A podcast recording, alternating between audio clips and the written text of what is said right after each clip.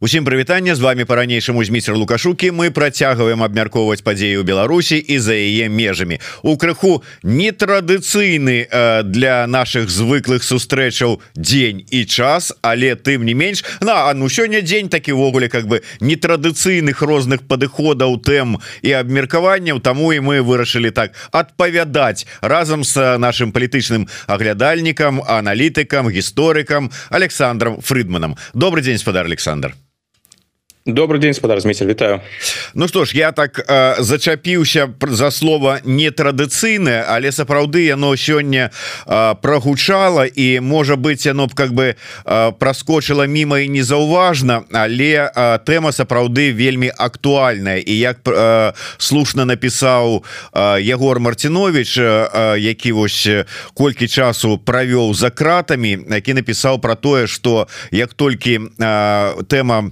об э, будучай амністыі пачынае гучаць недзе там то за кратамі гэта становіцца тэмай нумар один Ну і безумоўна для Беларусі якая на сёння ну фактычна за кратамі знаходіцца і ў прамым і ў пераносным сэнсе гэтая тэма будзе вельмі актуальная з розных момантаў. Але давайте пачнем ад самага пачатку. Что-небудзь э, ну надзвычайнага нязвыклага э, такога у самой гэтай пастаноўцы пытанне про амніст амністыю. Ёсць ці не маці гэта вось звычайная такая рэч?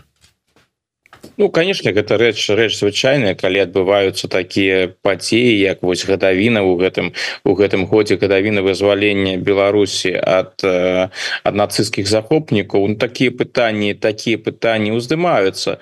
Вось. Так что сама по сябе канешне амністы у ёй нічога надзвычайнага няма что цікавы насамрэч вось цікавы момант у тым что гэтая дыскусія так вось рано пачалася. Вось яшчэ ж хапае хапае часу хутчэй за ўсё гэтая амністыя калі яна ўвогуле будзе. Ну яна будзе відавочная она будзе но гэта ўсё ж таки будзе летом хутчэй за ўсё і а, а не зараз. Тым не менш яны пачалі гэта абмяркоўваць ужо сёння. Ну і лукашенко зрабіў некалькі таких вось э, заяваў вось асабліва гэтае слово за якое учапіліся не традыцыйная і тут адразу ж пачалося на што ён там меў на увазе А можа нічога ён такого і не меў на увазе Ну просто у адрозне ад іншых амністый будзе нешта там такое будзе яшчэ нейкая дадатковая катэгорыя. Усе канешне хто сочыць уважліва за падзеямі чакаюць нейкай палітычнай амністы іх цікавіць лёс паліт палітзнявольных что там будзе? Можа там будуць нейкія зрухі.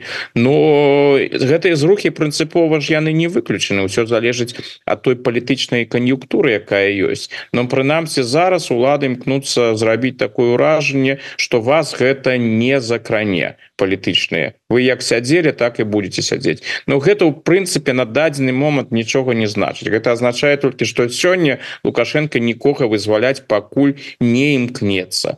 А якое будзе становішча праз месяц два месяцы три месяцы яно ж можа яно ж можа змяніцца. Можа быть такая кан'юнктура у адносінах з краінамі захадак это конечно малаверагодна. Але ўсё ж таки я б гэта прынцыпова не выключаў что лукашенко можа будзе і можа і пойдзе на нейкія зрухі палізняволеныя хотя б частка з іх будзе вызволена Ну пакуль гэта так не выглядае конечно Ну глядзіце адразу некалькі таких пытанняў узнікае по ходу. Ну па-першае ось вы звярнули увагу на тое что звычайно такая амністыя прысвечаная там гадавіне вызвалення Беларусі от нямецка-фашистскіх захопнікаў яна адбываецца летом зараз мы маем вось пачатак самы толькі новага года а ўжо абмяркоўваецца. І адпаведна ўзнікае чаму? Які тут ёсць палітычна выбарчы кантэкст я так с намёкам А можа тут і няма нічого гэта з чым это можа быть звязана Ну ён конечно конечно ён у гэтым сэнсе ёсць что вось вы ж працытавалі слушна Ягора Мартиновича сапраўды кожны чалавек які знаходзіцца за кратамі у яго калі ідзе гаворка про амністую яго з'яўляецца надзея. А можа і я змагу под яе потрапіць і тыя палітвязні якія сёння есть я ёсць они ж таксама дакладна разумеюць тое становішча у якім яны зараз апынуліся что магчымасці на таго ж захада калі увогуле паўплываць на беларускія ўлады каб іх вызвалі Ну гэтых магчымасцяў амаль няма. А тут дзяржаўная прапаганда яна штось сцвярджае менавіта тая дзяржаўная прапаганда тыя людзі якія знаходзяцца за кратамі якія у іх там альтэрнатыўныя крыніцы інфармацыі. А там ім кажуць что вось будете сядзець до да апошняга. Колькі атрымалі столькі і будете сядзець. Калі вось пачынаецца гаворка про амністыю то ўзнікае надзея Ну і адпаведна у адміністрацыі гэтых розных турмаў ёсць э, магчымасці ўплываць і казаць вось будешь себе паводзіць адпаведным чынам можаш потрапіць под амністыю зробіш то что там от цябе чакалі напрыклад там выступіш перад на тэлебачанні скажаш что там раскаяўся что вось не трэба было там выходзіць у двадцатым годзе і увогуле там лукашенко правільную палітыку праводзіць Ну можа тады вырашыць цябе что вырашыць твой э, выпадак что ты потрапіш под амністыю Так что такая магчымасць і конечно яны ёсць калі у людзей сканцэнтравана у руках уся ўлада яны фактычна могуць зрабіць з кожным усё что пожадаюць конечно гэта ўсё можна выкарыстоўваць з пэўнымі палітычнымі мэтамі Ну колькі ўжо было гэтых дыскусій про тое что вось будзе зроблена тое тое лукашенко пачне вызваляць гэтая дыскусія з двадцатого года вядзецца Ну ідзе кого тут асабліва вызвалілі мы ось некалькі разоў уже сёння прогучала гэтае слово палітвязні але глядзіце калі слухаць і прапаганду і лукашенко того ж самого які робіць вот такія во вочы такія празрыстыя як у цяляці нявіннага і кажу якія палітвязні? У нас няма палітычных артыкулаў у крымінальным кодексе. У нас ніхто по палітычных артыкулах не сядзіць. Гэта звычайныя крымінальнікі якія палітвязні і а, таму вот ці варта ў дадзе дадзеным выпадку звяртаць увагу. Палітвязні не палітвязні. Все ж по, по крымінальных артыкулах сядзяць. Ну канешне калі мы вось так пачнем тоже таксама казаць мы ж будем тогда пераймаць рыторыку рыторыку режима. Не не, не навіть... я зараз про про іншае кажу. А вот мы ўсё ж таки делим вот умоўно кажучы по адны по адным і тым же артыкуле сядзіць відавочна паліты палітычны палітвязень і один конкретны крымінальнік но артыкул их один і той же. Калі прымяняецца до да гэтага артыкула амністыя то павінны по ідэе калі мы тут э, не кажам калі вы ж кажаце что тут у нас толькі крымінальнікі павінны выйсці і один і другі чалавек А ці будзе так нет так конечно не будзе это будзе як як звычайна як звычайна это рэжымам лукашэнкі праводзіцца гэта будзе праводзіцца селектыўна яны заўсёды могуць нейкі грунт там знайсці сказаць что вось так артыкул у людзей один але вось гэты вязень ён паводзіў сябе добра ён стаіць на шляху перавыхавання Вось там пагрозы ад яго няма А вось гэты не ён застаў аўся пры сваіх поглядах ён по-ранейшаму ад яго сыходзіць небяспека. І таму мы яго вызваляць мы яго вызваляць не будем Вось і гэта ж відавочна. І вся гэтая дыскусія якая сёння вялася і тое что выказваўся лукашенко і тое что выказваўся кубракоў і астатнія яны хутчэй выпусцяць на волю нейкага забойцу чалавека які асуджаны за забойство Ну лукашенко сёння ж прямо так і сказаў ось там жанчына забіла мужа мужа свайго які там нападаў збіваў яе. Ну забіла і забіла ён увогуле не разумее чаму яна знаходзіцца знаходзіцца за кратамі. Ну по факту яна ж яго забіла. Так что логіка ж яна відавочна яны хутчэй выпусцяць на волю чалавека які там забіў згвалтаваў і іншае чым таго хто сядзіць сапраўды по палітычнай по палітычнай справе. Паколькі з палітычнымі Ну тут для лукашэнкі дыскую ўсё зразумела зразумела. Ён готовы Я думаю что прынцыпова ён быў бы готовы вызваліць большасць палітвязняў. Гаворка разумела не ідзе про вядучых вядомых палітычных фігураў. Ён бы вызваліў гэтых людзей калі б яму за гэта нешта прапанавалі. Ён разглядае гэта як ресурс гэты ресурс які можна на нешта абмяняць. А калі прапановы няма ну навошта ему вызваляць? Для того каб там на захадзе сказали Ну вось глядзіце мы ўсё ж таки лукашенко то дажалі Вось так ці інакш санкцыямі ж ўсё атрымалася у выніку ён пачаў вызваляць Ну зразумела что лукашенко на гэта не пойдзе Ну безумоўна але тым не менш ці сама гэтая падзея як будучая амністыя дае Ну і яны вот я маю на увазе рэжым робяць нейкія намёкі тым что вот тут пакуль што нейкія невызначанасці таму ж самому захаду что а можа хто-небудзь умоўны там скажем там пачобут потрапіць под амністыю Ну гэта можна конечно разумець як намёкі такого кшталт намёкі калі лукашенко кажа что у нас амністыя будзе нетрадыцыйная. Ну намёк такі можа гэта і сам насамрэч намёк А можа увогуле ніякага намёку і няма. Просто вось такі тэрмін які лукашенко ужыў тут же пытанне амністы яно ж не настолькі прынцыповыя Ну мы ж дакладна ведаем у якіх умовах там усё працуе. Калі лукашенко палічыць патрэбным кагосьці вызваліць калі ён зразумее что вось за гэта можна атрымаць Ну дык э, навошта гэта можна ўсё зрабіць будзе без вось такой вялікай амністы гэта ж ужо шмат разоў было. Напрыклад тое что тычылася э, замежных грамадзянаў калі напрыклад там у мінулыя гады прадстаўнікі Швейцарый альбо Ізраіля з лукашэнкам размаўлялі і гэта тычылася грамадзянаў гэтых краінаў якія знаходзіліся за кратамі. Ну дык зна заўсёды заходзіла магчымасць гэтых гэтых людзей вызваліць і без там нейкай вялікай амністыі якая ў той год у краіне праводзілася. Так что я б тут гэты фактор не перабольшаў так Мачыма гэта вось такі сігнал Ну вось глядзіце ёсць такія магчымасці. Будете паводзіць сябе патрэбным чынам.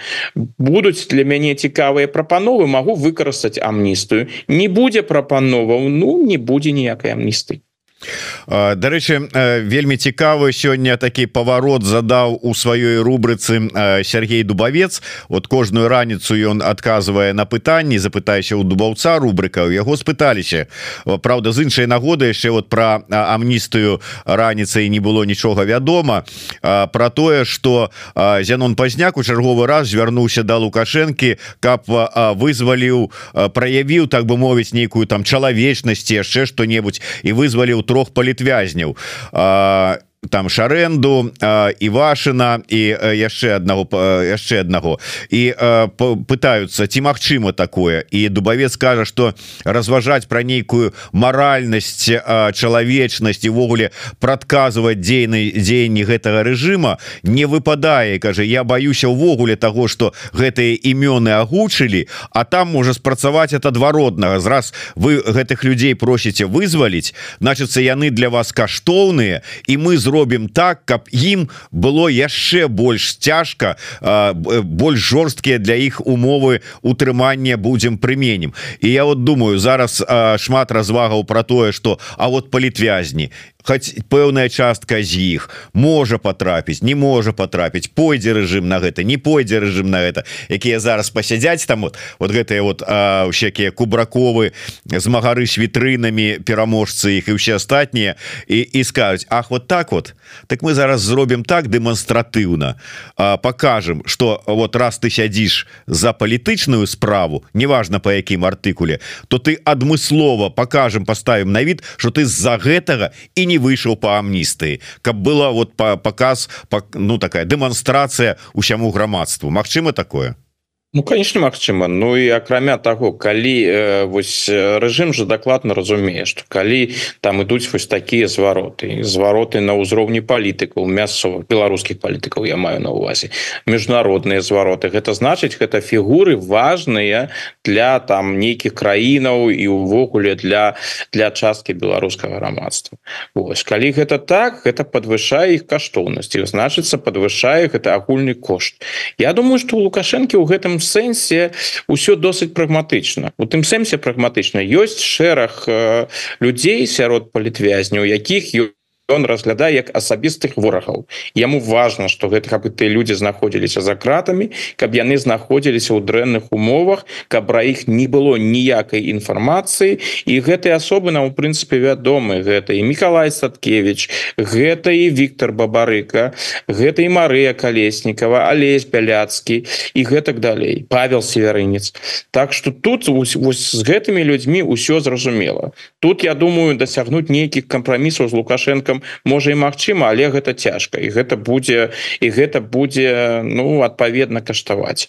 А ёсць і іншыя людзі якія іх якіх ён як ворагаў не разглядае і якіх ён магчыма бы і вызваліў калі б атрымаў адпаведную прапанову. Это можа быть эканамічная прапанова гэта можа могуць быць нейкія санкцыі якія б знялі. Калі былі прапановы тык Мачыма лукашенко бы і, і згадзіўся ў гэтым сэнсе парламенце але не толькі каб ён там зрабіў нейкі нейкі жест а потым там паглядзелі Ну ось глядзі вызваляе можна размаўляць далей не у лукашенко все просто. Даверу няма. Вы мне прапаноўваеце з вас грошы а ад мяне там будуць вызвалены люди напрыклад напэўна так можа бы ён як мне падаецца і пагадзіўся.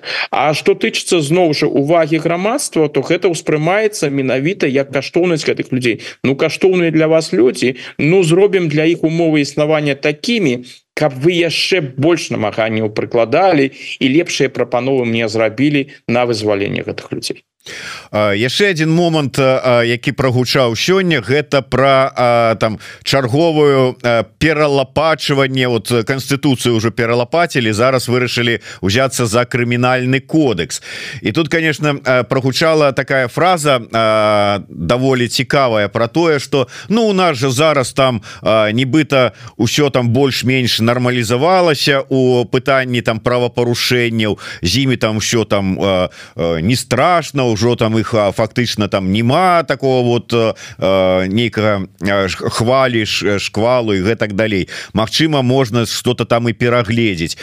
І тут вот я погажуся с лукашенком. С правапарушэннямі у Беларусі у беларускім грамадстве у пераважным большасці ўсё-то нормально. Але вот у дзеянні так званых сілавікоў у вот ці з імі не, не, час нейкім чынам подумать і разобрацца калі ідуць пераследы і пакаранні і артыкулы протоколы за падабайкі некуды за нейкія каментары невядома яшчэ за что за тое что у цябе оказывается там недзе забытая у кнізе быў некая налепка бел чырвона-белага сцяга то і ты про яе забыўся у тебя прыладзілі ператрус і ў кнізе знайшлі гэтую налепку і цябе на гэтай подставе вядуць под суд ці у цябе у кватэры у з унутранай час баку дзвяры налепка налеплена і цябе прыпісваюць некае пікетаванне. Так можа быть не справапарушэннямі нешта не тое Украіне а з гэтымі так зваными праваахоўнікамі якія і з'яўляюцца на сёння ў Беларусі галоўнымі правапарушальнікамі Ну я думаю что лукашенко бы на на гэту рэпліку адказаў бы прыклад так что гэта іншае что тут же яны ж яны робяць сваю справу яны ж сапраўды ахоўваюць і рэжым ахоўваюць краіну інша інша вядомая вядомая рыторыка гэтым людям усё дазволена яны ж аперышча рэжыма яны ж працуюць на гэты рэжым яны ж дазваляюць гэтаму рэжыму існаваць тут я думаю что лукашэнкі асаблівых ілюзіяў ужо даўно няма у у яго прынцыпова паступова заўсёды было калі ён там выбіраў паміж паміж выкарыстаннем сілы альбо заваяваннем папулярнасці ён заўсёды рабіў стаўку менавіта на сілу. Что калі што ну хай пусть так званыя праваахоўнікі хай яны зробяць сваю працу. Так что яны ж ему дапамаглі яны яго выратавалі у двадцатым годзе зрабілі дакладна тое чаго ён хацеў і зараз працягваюць тут тут ўсё тое что адбываецца Вось ўсё гэтае выкарчоўванне іншадумства любога іншадумства гэта ўсё гэта ж не, не ініцыятыва гэтых людзей. Яны просто выконваюць загады а загады ідуць сам самага верху уладнай піраміды. Загады ідуць ад лукашэнкі. Дарэчы яшчэ одно дзіўнае такое назіранне. Калі ў чарговы раз там а, а, а, лукашенко уручаў зараз за культурным дзеячам узнагароды.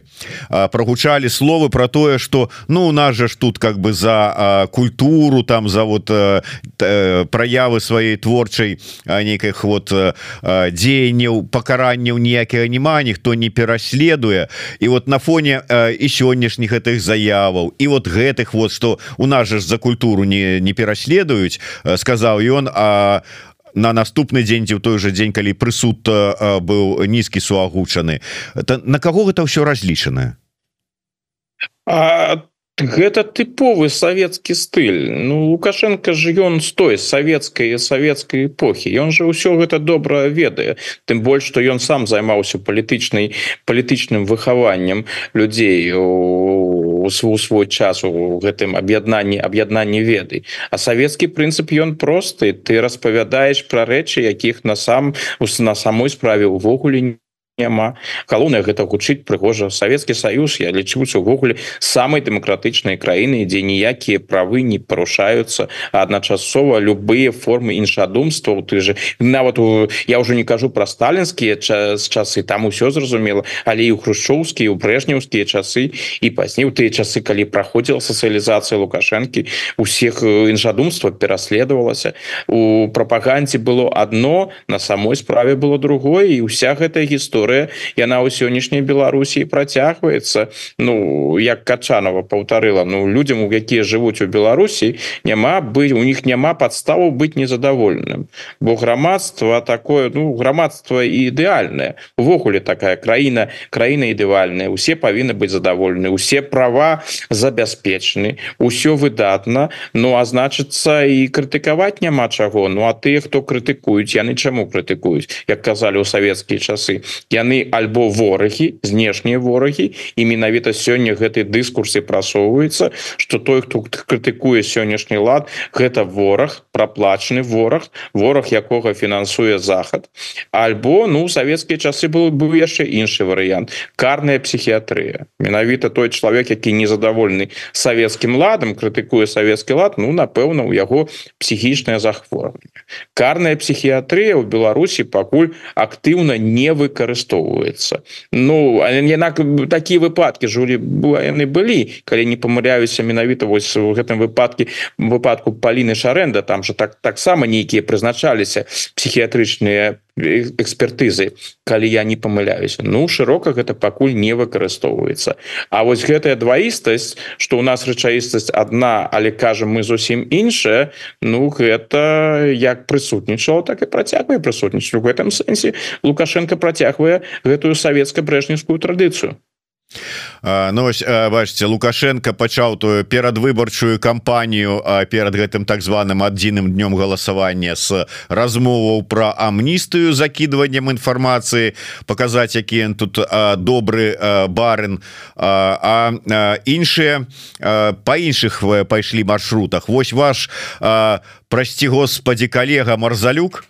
гісторык. а поехаў і выступаў перад студэнтамі дзе заклікаў усіх студэнтаў праявіць грамадзянскую актыўнасць зрабіць беларускі выбор за моцную дзяржаву і прыйсці прагаласаваць у гэты адзіны дзень галасавання Праўда там такая была такая яшчэ агаворка калі убачыце раптам что написано что кандыдат часова не працуе то значыцца выкрэслівайце яго адразу тому что что гэта за чалавек як ён можа кіраваць краінай калі ён нідзе не працуе.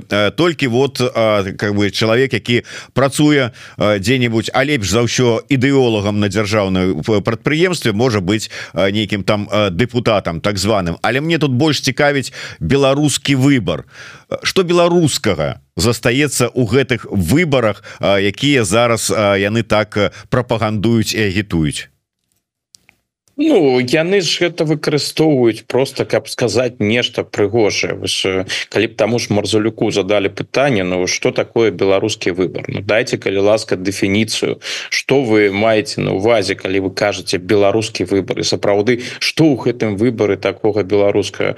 Ну я не думаю что ў яго б гэта насамрэч атрымалася. Ну гэта таксама такі тыповы савецкі стыль дарэчы савецкі постсавецкі стыль калі выкарыстоўваюцца прыгожыя прыгожыя фармулёўкі альбо тыя фармулёўкі якія лічацца прыгожымі а насамрэч яны пустыя гэта абсалютна такія рытарычныя фармулёўкі формулы за якімі ну фактычна-то і нічога няма. Ну а калі ўзяць усё ж таки вось гэта гэтую заяву марзалюка Ну яна ж дыскрымінацыйная. Ну что гэта значыць? Ну, пэўная частка грамадства якая не працуе по розным прычынам значится гэтыя люди не могуць вылучацца. А калі напрыклад у чалавека нейкае захворванне і ён не можа просто працаваць Дык что гэта? Ну гэта же нішто іншае як сацыяльная рознь. І гэта як мне падаецца увогуле такая ўжо справа дзе павінны якой павінны займацца праваахоўнікі Ну зразумела ніхто займацца конечно не будзе гэта ўсё рытарычна но такія выказванні тое что такія выказванні робяцца ў еўрапейской краіне у 21 стагоддзе Ну, ну что тут скажешь это просто ганебна.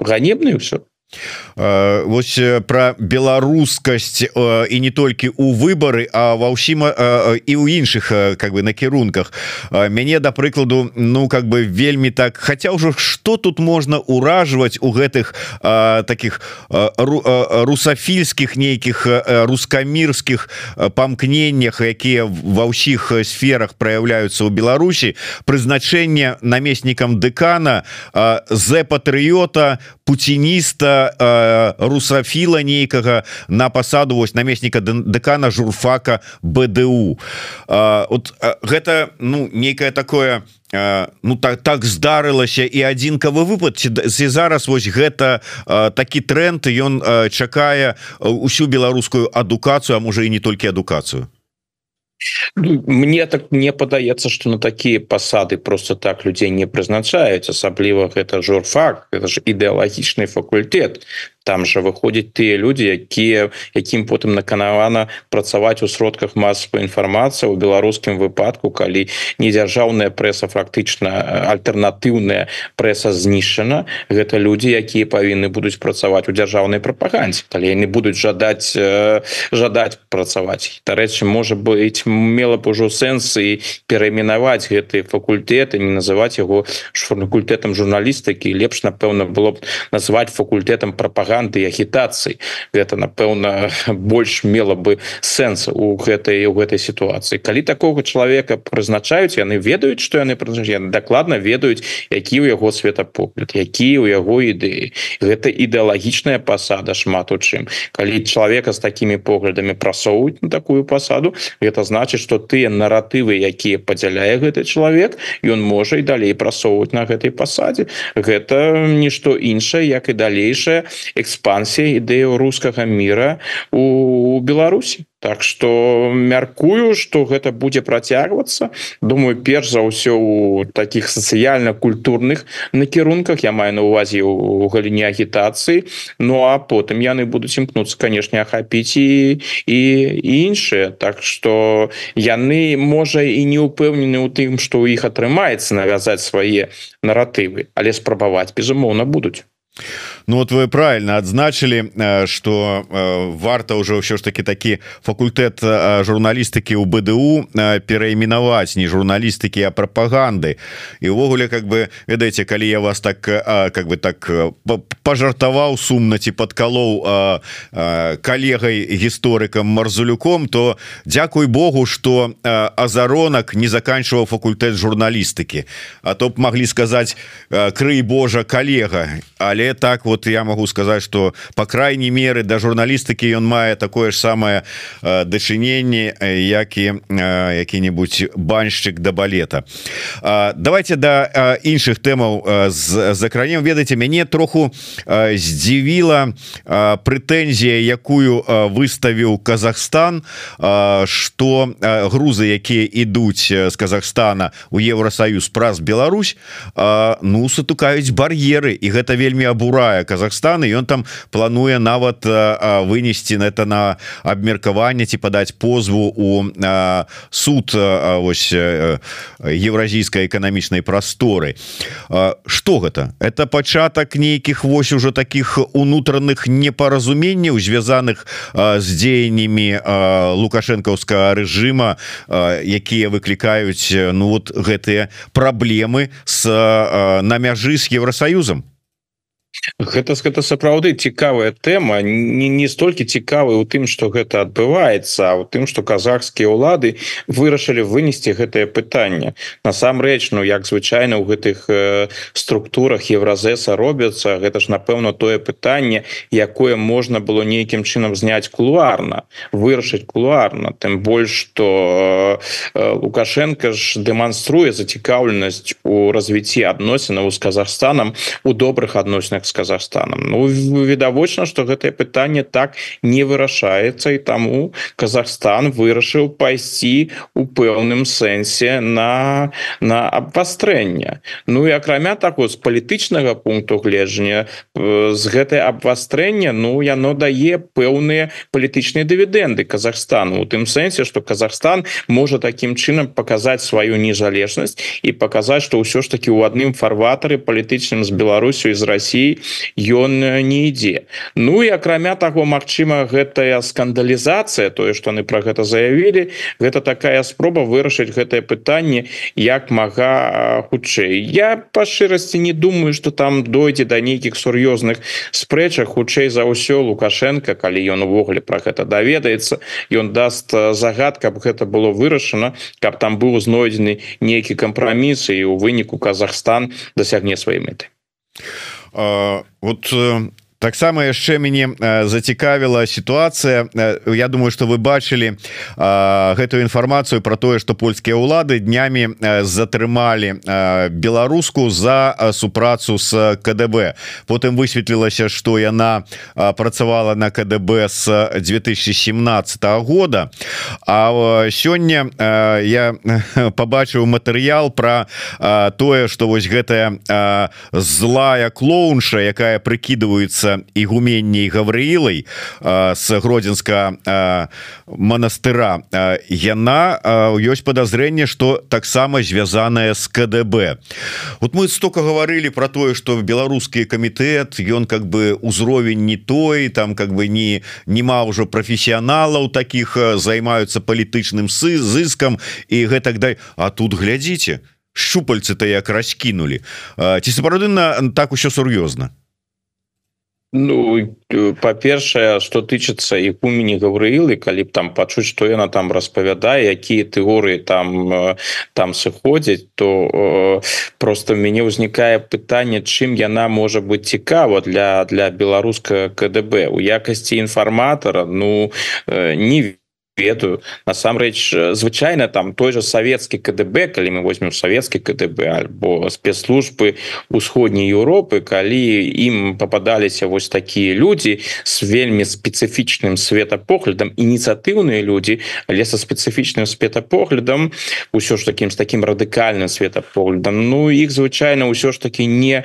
не выкарыстоўвалі з такими людзьмі КДБ звычайна працаваць не не жадаў Ну у гэтым выпадку не могу нічого сказать. Но мяне ў прынцыпе гэта і і не здзіўляе калі ўсё ж таки чалавек звярнуўся хоча там не ведаю даваць інфармацыю Ну а чаму ж гэтага чалавека не не выкарыстаць что ж тычыцца вось гэтага выпадку? У Польшчы то ізноў жа з пункту гледжання КДБ Ну а чаму ж не выкарыстаць калі чалавек паведамляе якую ніякую інфармацыю Ну можа яна не асабліва не асабліва якасная але хай хай будзе акрамя таго калі вось ўсё-кі нават зараз калі про гэтую гісторыю стала стала вядома і калі гэтую гісторыю опісваюць у прэсе Я думаю что для беларускіх спецслужбаў у гэтым таксама нічога дрэннага няма по прыкладу хай тыя хто там на захад захадзе вось жывуць якія там у Польше у літве хай ведаюць у нас тут шмат розных агентаў Вось про одну вы даведаліся А колькі яшчэ вось тых насамрэч прафесіянальных бо гэты выпадак Ну тое что пакуль вядома Ну гэта зусім не прафесіянальна что гэта за такі за інфарматор камітэта дзяржаўнай бяспекі калі у стане ну пасля спажывання алкагольных напояў распавядае нейкім людям про тое что працуе на КДП Ну таким інфармацыйным професіям прафесіяналізмам тут ну ён не бачны прынамсі. А насамрэч я думаю калі сур'ёзна Я думаю что хапае у іх агентаў. Яны ўсё ж таки дарма свой хлеб не спажываюць. Яны сваю працу працу ведаюць можа яны не так якасна яе робяць як я ім як яны б хацелі але там розныя агенты конечно у іх прысутнічаюць. Так что гэта гэта ж вядомая традыцыя на тэму агентаў але можа быть больш тут на тэму перабольшанай не перабольшанай от гэтай ну как бы небяспекі агентаў літва паведамляецца что у літве перад міністэрствам унутраных справаў поставілі задачу прадставіць такія перад пералік мераў по скарачэнню потока мігрантаў беларусаў і пишут что Украіне таксама ўзнікаюць пытанні да поездак беларуса у Беларусь і обратно. а Што за гэтым стаіць? Чаму ніяк не с, не сціхае вось гэтая хваля нейкіх вот непаразуменняў подазрэнняў а нейкіх наездаў і накатаў на беларусаў якія вымушаны былі пераехаць у літву? І ці не стане гэта агульнаеўрапейскім трендам Ну я пачну напэўна з, з другой часткі вось з тых людзей якія перабраліся ў тую ж літву альбо ў іншыя заходнія краіны і тым не менш э, ездзяць працягваюць наведваць наведваць Беларусь. Ну гэта ж вядомая тая ж еўрапейская практыка что тыя людзі якія атрымалі прытулак яны атрымліваюць прытулак таму што яны ў сваёй краіне подвяргаюцца пераследу зразумела далёка не ўсе тыя людзі якія перабраліся ў літву з Беларусі атрымалі палітычны палітычны прытулак. Ну так ці наш это уяўленне про тое что у той же літве Польша іншых краінах жывуць беларусы якія подвяргаюцца пераследу гэта уяўленне прысутнічае. І калі назіраецца что вось тыя людзі якіх нібыта подвяргаліся палітычнаму пераследу альбо сапраўды подвяргаліся палітычнаму пераследу тым не менш працягваюць ездзіць у гэтую краіну. Ну узнікаюць канешне канешне у пытанні паколькі мы живвем у такія напружаныя часы Беларусь успрымаецца суседзямі заходнімі суседзямі як фактор рызыкі як фактор небяспекі як пагроза реальная пагроза і патэнцыйная пагроза то тыя люди якія працягваюць наведваць гэтую краіну ну да іх узнікаюць пытанні альбо могуць узнікнуць пытанні. Гэта на жаль наша сённяшняя палітычная рэчаіснасць. І гэтыя тэндэнцыі яны хутчэй за ўсё будуць э, працягвацца ў краінах балты мы ж ведаем у краінах балты ўсё асабліва абвострана. Напэўна нідзе у Еўропе так вайна в Украіне не ўспрымаецца так блізка як гэта адбываецца ў краінах балты ось зараз візіт владимира зяленскага украины палты ён жа гэта яшчэ раз прадэманстраваў. Ось гэта і ўзровень солідарнасці і ўзровень разумення і ўзровень і ўзровень спачування у таких умовах калі ты сябе разглядаеш як прыфронтавую краіну калі ты сыходзіш з таго что можаш быць наступным а ў выпадку той же літвы что пагроза будзе сыходзіць непасрэдна з тэрыторыі Беларусі і калі нешта супраць літвы пачнецца яно пачнецца хутчэй за ўсё менавіта з тэрыторыі Беларусі ну адначасовай з тэрыторыі калінінградскай вобласці але і з тэрыторыі Беларусі что ў таких умовах ты тое что паходзіць з Беларусі і тых людзей на жаль у тым ліку якія паходзяць у Беларусі успрымаеш як патэнцыйную рызыку гэта на жаль рэчаіснасці. Таму я думаю что гэтыя тэндэнцыі яны у краінах балты і перавяжна у літве могуць узмацняцца. Тым больш што мы ж ведаем што ў літве яшчэ і будуць выбары у гэтым годзе А вось гэты прадвыбарчы перыяд ён вельмі пасуе для абвастрэння таких эмоцый для такой аргументацыі каб паспрабаваць зарабіць на гэтым палітычны капітал.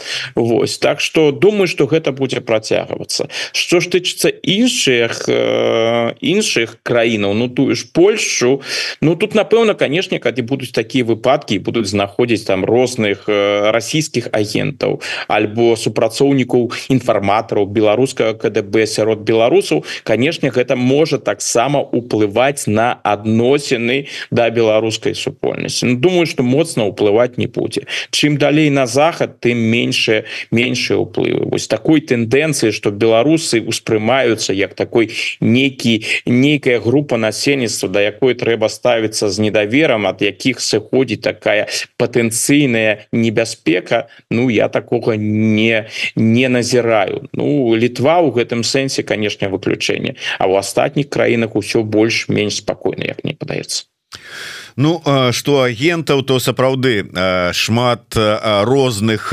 спецслужбаў по ўсім свеце шмат розных людзей якія з тых ці іншых меркаванняў вырашаюць прадастаўляць інфармацыю той ці іншай спецслужбе пачынаючы ад людзей сапраўды там можа быть нейкіх ідэалагічна скіраваных і заканчиваючы звычайнымі можа быть якімі-нибудь канспіро канспіролагамі ці ідыотамі але розная бывае. Он Тейлор світ свифт нават абвінавацілі у тым что яна агент Пентагона. Дык що вы хочете дарэча вот эта ситуация с Вольгай карач. Вот як вы лічыце наколькі ўсё ж таки яна такая адметная неадметная ці это таки разовый кейс?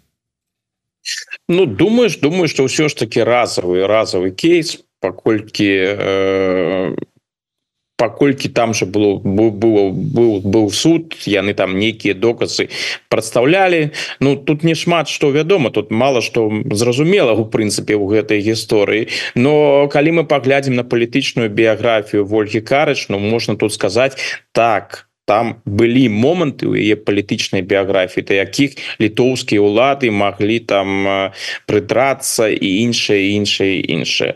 Але ізноў жа вось усе гэтыя тэрмі тэрміналогія нехта з'яўляецца небяспечным фактарам выклікае небяспеку для той ці іншай краіны. Гэта вельмі тут нічога ж аб'ектыўнага няма гэта вельмі такі суб'ектыўны момант. Ну у выпадку карач яны вырашылі Ну будзе напэўна з пункту гледжання літвы з пункту гледжання літоўскіх уладаў будзе лепш калі яны яе прымусяць літву пакінуць. Таму яны прынялі гэтае рашэнне. Ну галоўным чын конечно это палітычнае палітычнае рашэнне. Ну і рашэнне якое тлумачыцца сённяшняй палітычнай рэчаіснасцю. Калі б часы былі больш спакойныя калі б не было войны ва ўкраіне хутчэй за ўсё б яе не чапалі.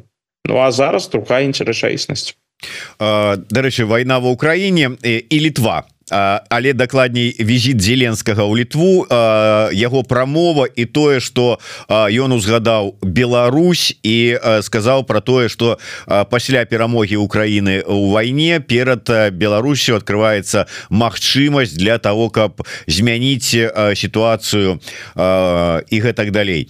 А Чаму ён гэта сказаў увогуле? Ну здавалася б прыехаў у літву зеленскі не вельмі актыўна неяк так на тэму Беларусі выказваецца. Ну гаварыў бы там про агульныя тэму войны там літвы Украіны там Еўросаюза Як вы думаете чаго ўсё ж таки тэму Беларусі ён не абышоў бокам? Хай і коротко Ну думаю гэта связано з тым что ну па-першае гэта літва гэта гэта недалёка недалёка ад Беларусі Ну я думаю что тыя люди ты люди якія рыхтавалі яго прамову і давалі ему парады что что можна сказаць А что не трэба казаць усё ж таки напэўна патлумачылі яму і сказали а звярнули яго увагу на тое что тэма Беларусі для літвы гэта гэта вельмі вельмі важная тэма ўсё ж таки тэма якая прысутнічае менавіта. Таму ён гэта і узгадаў тому что калі ўжо знаходзішся ў літве і ведаеш что у літве таксама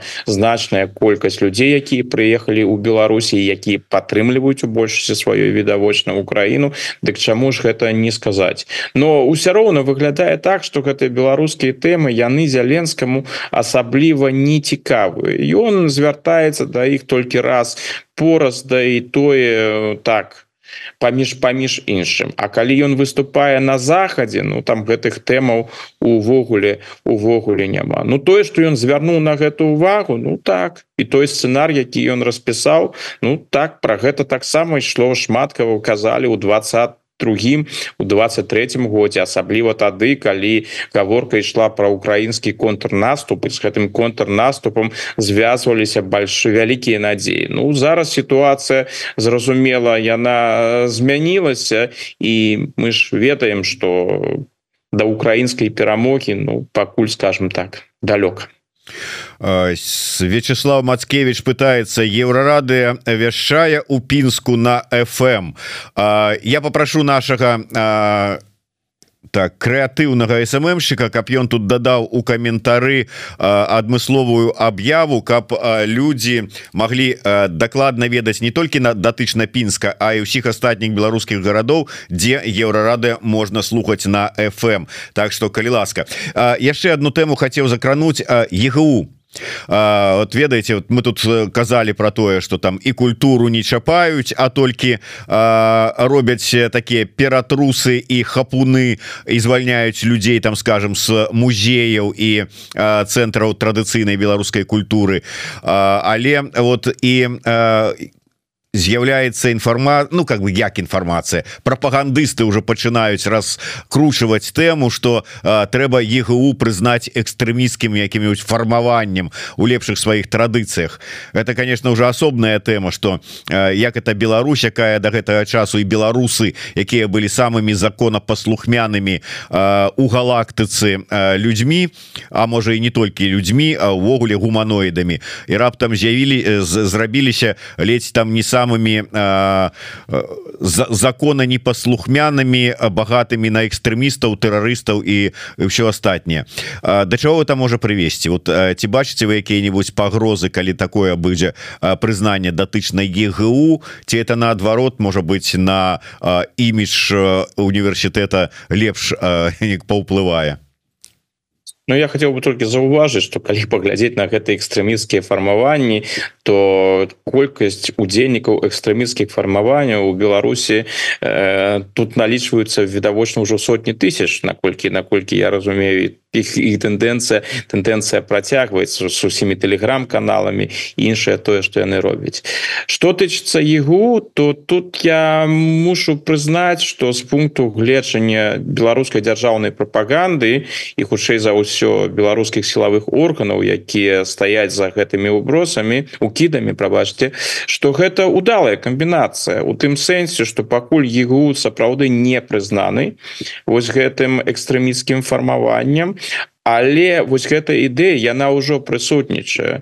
Это значыць что тыя люди якія яшчэ знаходзяцца ў Беларусі і думаюць про тое А ці можа ўсё ж таки паехаць туды вучыцца альбо нейкім чынам звязаць свой лёс ЕГУ альбо тыя беларусы якія знаходзяцца по-за межамі краіны і ўсё ж таки палітычнай актыўнасцю не займаюцца і ездзяць раз-пораз у Беларусь. Вось гэтыя усе люди Ну я маю на увазе не гэтых людзей напрыклад іх дзяцей якія маглі б патэнцыйна вучыцца ў ігу як у беларускім універсітэце. Усе гэтыя людзі вымушаны будуць зраз задумацца. Добра я магу туды пайсці я магу туды вучыцца але гэта значыць что я сябе ўвогуле закрою дорогу у Беларусь. Калі высветліцца что я там студэнт у ЕГУ гэта значыць я вярнуўся ў Беларусь все гэта подстава каб арыштаваць і на такі працяглы працяглы тэрмін. Так что у гэтым сэнсе гэта зразумела шкода для ЕГУ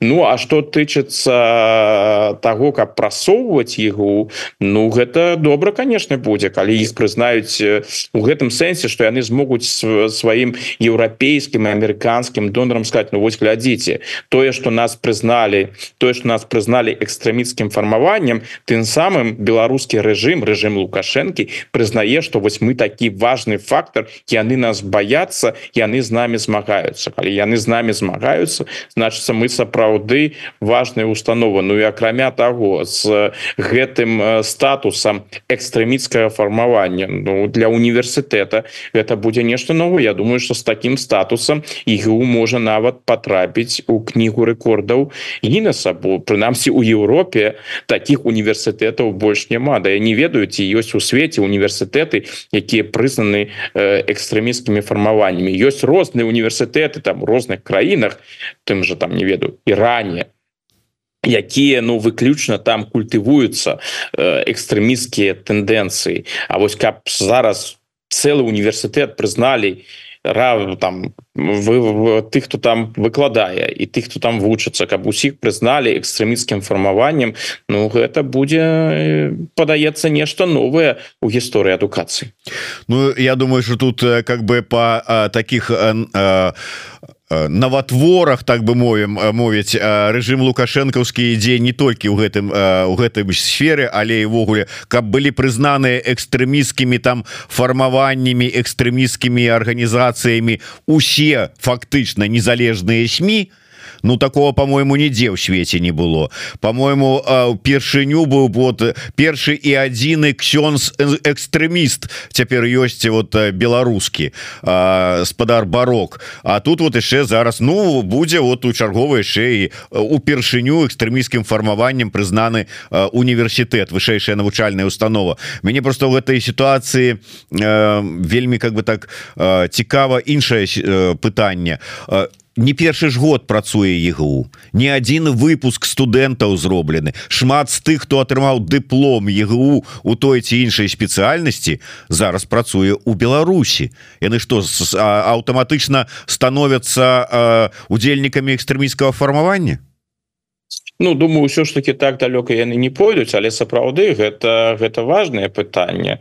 Ці можа напрыклад пасля таго як ігу сённяшні ігу будзе прызнаны вось гэта гэтым э, экстрэміскім фармаваннем ці можа напрыклад чалавек можа нават абсалютна лаяльны у ігу вучыліся зусім э, розныя людзі і, і далёка ну не ўсе не ўсіх іх з іх дэмакратычныя погляды былі і іншыя іншыя як як і ва ўсіх усіх таких э, навучальных установах людзі з разнымі по з рознымі поглядамі ёсць на я упэўнены што ёсць людзі якія скончылі ігу і сёння з'яўляюцца прыхільнікамі прыхільнікамі лукашэнкі чаму гэта можна выключаць Ну і што будзе далей? Тыя людзі якія там вучыліся яны не змогуць надалей працаваць у дзяржаўных установах?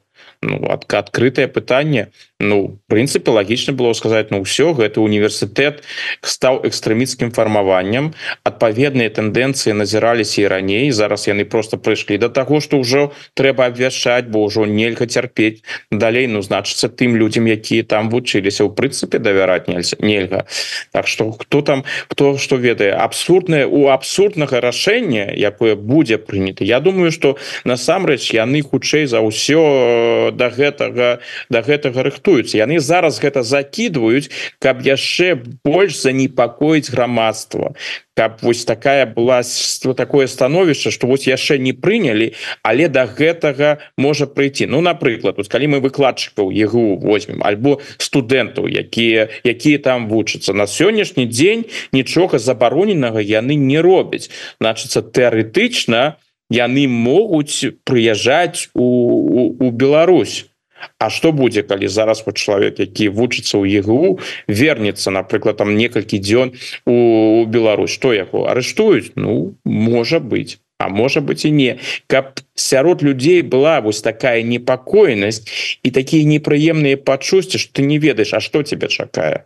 Вось гэта і ёсць такая псіхалагічная аперацыя і гэтую псіхалагічную аперацыю яны зараз адпрацоўваюць і тут трэба сказаць что у іх гэта атрымалася у тым сэнсе что быў гэты укід паміж іншым калі не памыляюся ігор тур гэта зрабіў першым агучыў гэтую ідэю а потым іншыя подхапілі Ну і гэта зараз абмяркоўваецца прызнаюць не прызнаюць что будзе калі будзе якія будуць наступствы. Так что тое что гэтая тэма ўжо зайшла і абмярку ахоўваецца і пры гэтым ЕГУ яшчэ не прызналі гэтым фармава гэтым экстрэміскім фармаваннем гэта ўжо ў пэўным сэнсе поспех э, гэтай псіхалагічнай аперацыі на жаль Ну аперацыя я так разумею скіраваная на тое каб людзі ну адмаўляліся ад поездак на вучобу за мяжу. Як прынцыпе на працу бо зараз жа ж ужо пайшлі по этому шляху першы этап. Яны забаранілі любую рэкламу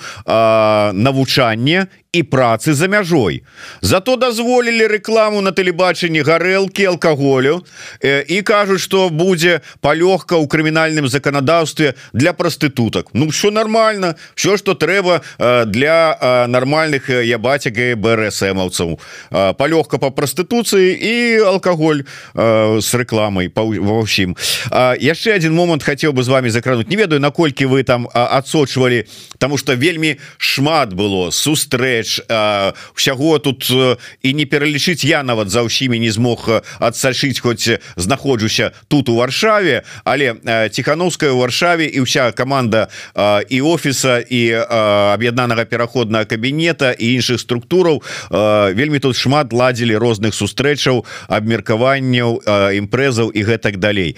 Як вы ацэньваеце тое что ну вот стало такое вядомага по выніку гэтай поездки і сустрэчаў? Чтоб хотели адзначыць як ацэньваеце увогуле гэты візит Як скажуць некаторыя известныя асобы чарговыя этап палітычнага турызму Ну я не ведаю насколькі гэта палітычны турызм альбо не палітычны турызм что то і якія будуць вынікі мы ж таксама не ведаем. Там быў шэраг прапановаў з ад, ад ціхановскай яе атачэння напрыклад удзел той же ціхановскай у люблінскім фармаце разам з іншымі краінамі так бы мовіць і гэтае супрацоўніцтва.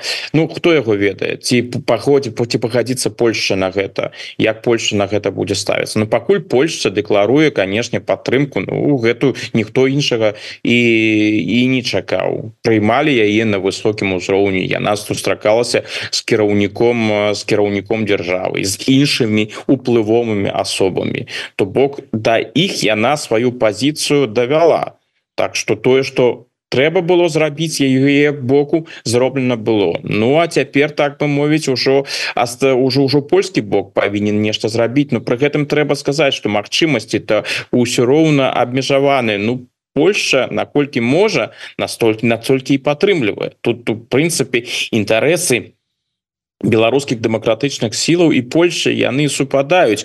І Польша выступае за санкцыі і яны выступаюць дэмакратычныя сілы выступаюць за санкцыі падтрымка вызвалення палітвязняў гэтые патрабаванні Польша таксама вылучае. І стаўленне да рэжыма лукашэнкі яно таксама аднолькавае. Польша не з'яўляецца польскія ўлады не з'яўляюцца прыхільнікамі нейкіх там сепаратных перамоваў паслаблення санкцыяў і іншае іншае.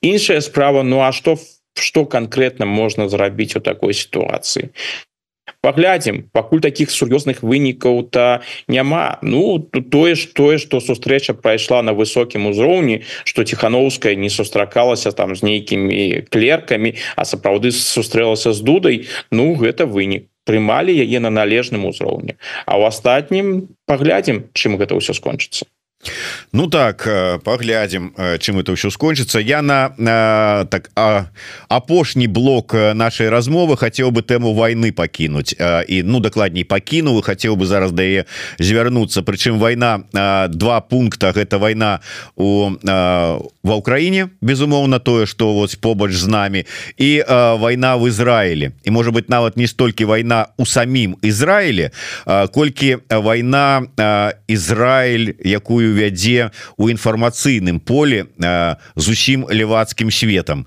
і мне такое адчуванне что проигрывае Ізраиль все ж таки прычым даволі разгромна гэтую гэтую войну пачынаючы з того что вот у Фінляндыі полторы тысячи там ці колькі дзеячоў культуры собрали подпісаў за тое каб Ізраиль не удзельнічаў у наступным вот этом конкурсе Еўрабачання рашэння выкрасліць яго.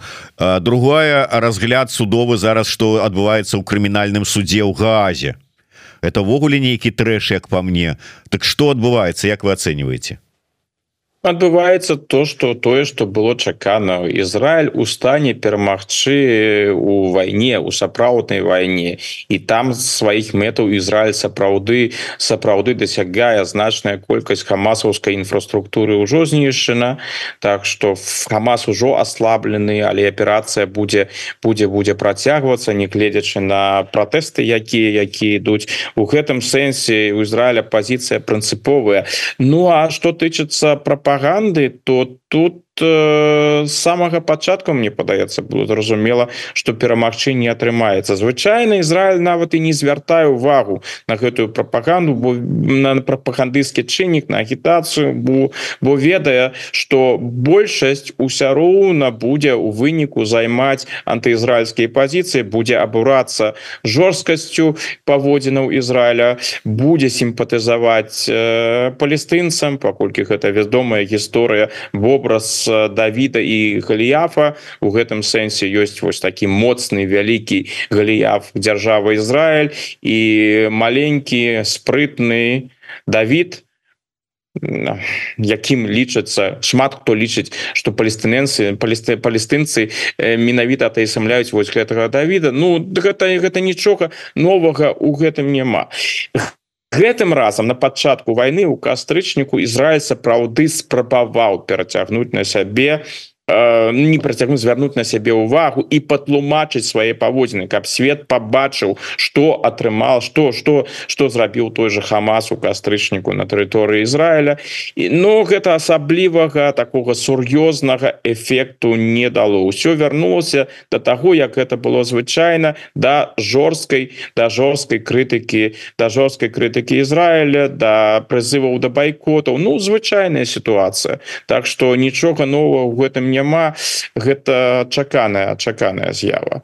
Ну а что тычыцца становішча становішча ва Украіне конечно я на дадзены момант э, досыць цяжка і галоўнае пытанне не вырашанае пытанне это пытанне заходняй дапамогі перш за ўсё амерыканскай дапамогі. Зараз з'яўляецца вельмі шмат публікацыяў шмат у чым слушных публікацыяў про тое что калі гэтай дапамогі насамрэч не будзе калі яе не будзе ў дастатковым памеры перш за ўсё то сітуацыя Украіны на фронте канешне можа пагоршыцца істотна пагоршыцца Ну але э, якія прыкметы? Вот що ж таки абмяркоўваецца гэта ўсё і у па, э, сярод палітыкаў сярод экспертаў і ў сМ абмяркоўваецца. Да э, да чаго схіляецца э, меркаванне як э, палітычнае так і грамадскае Ну тое что я зараз назіраю у той же заходняй прэсе тое что пишутць эксперты тое что выказваюцца палітыкі гэта ідзе прыкладна ў такі накірунак. Сітуацыя складаная. Зараз ініцыятыва на расійскім баку.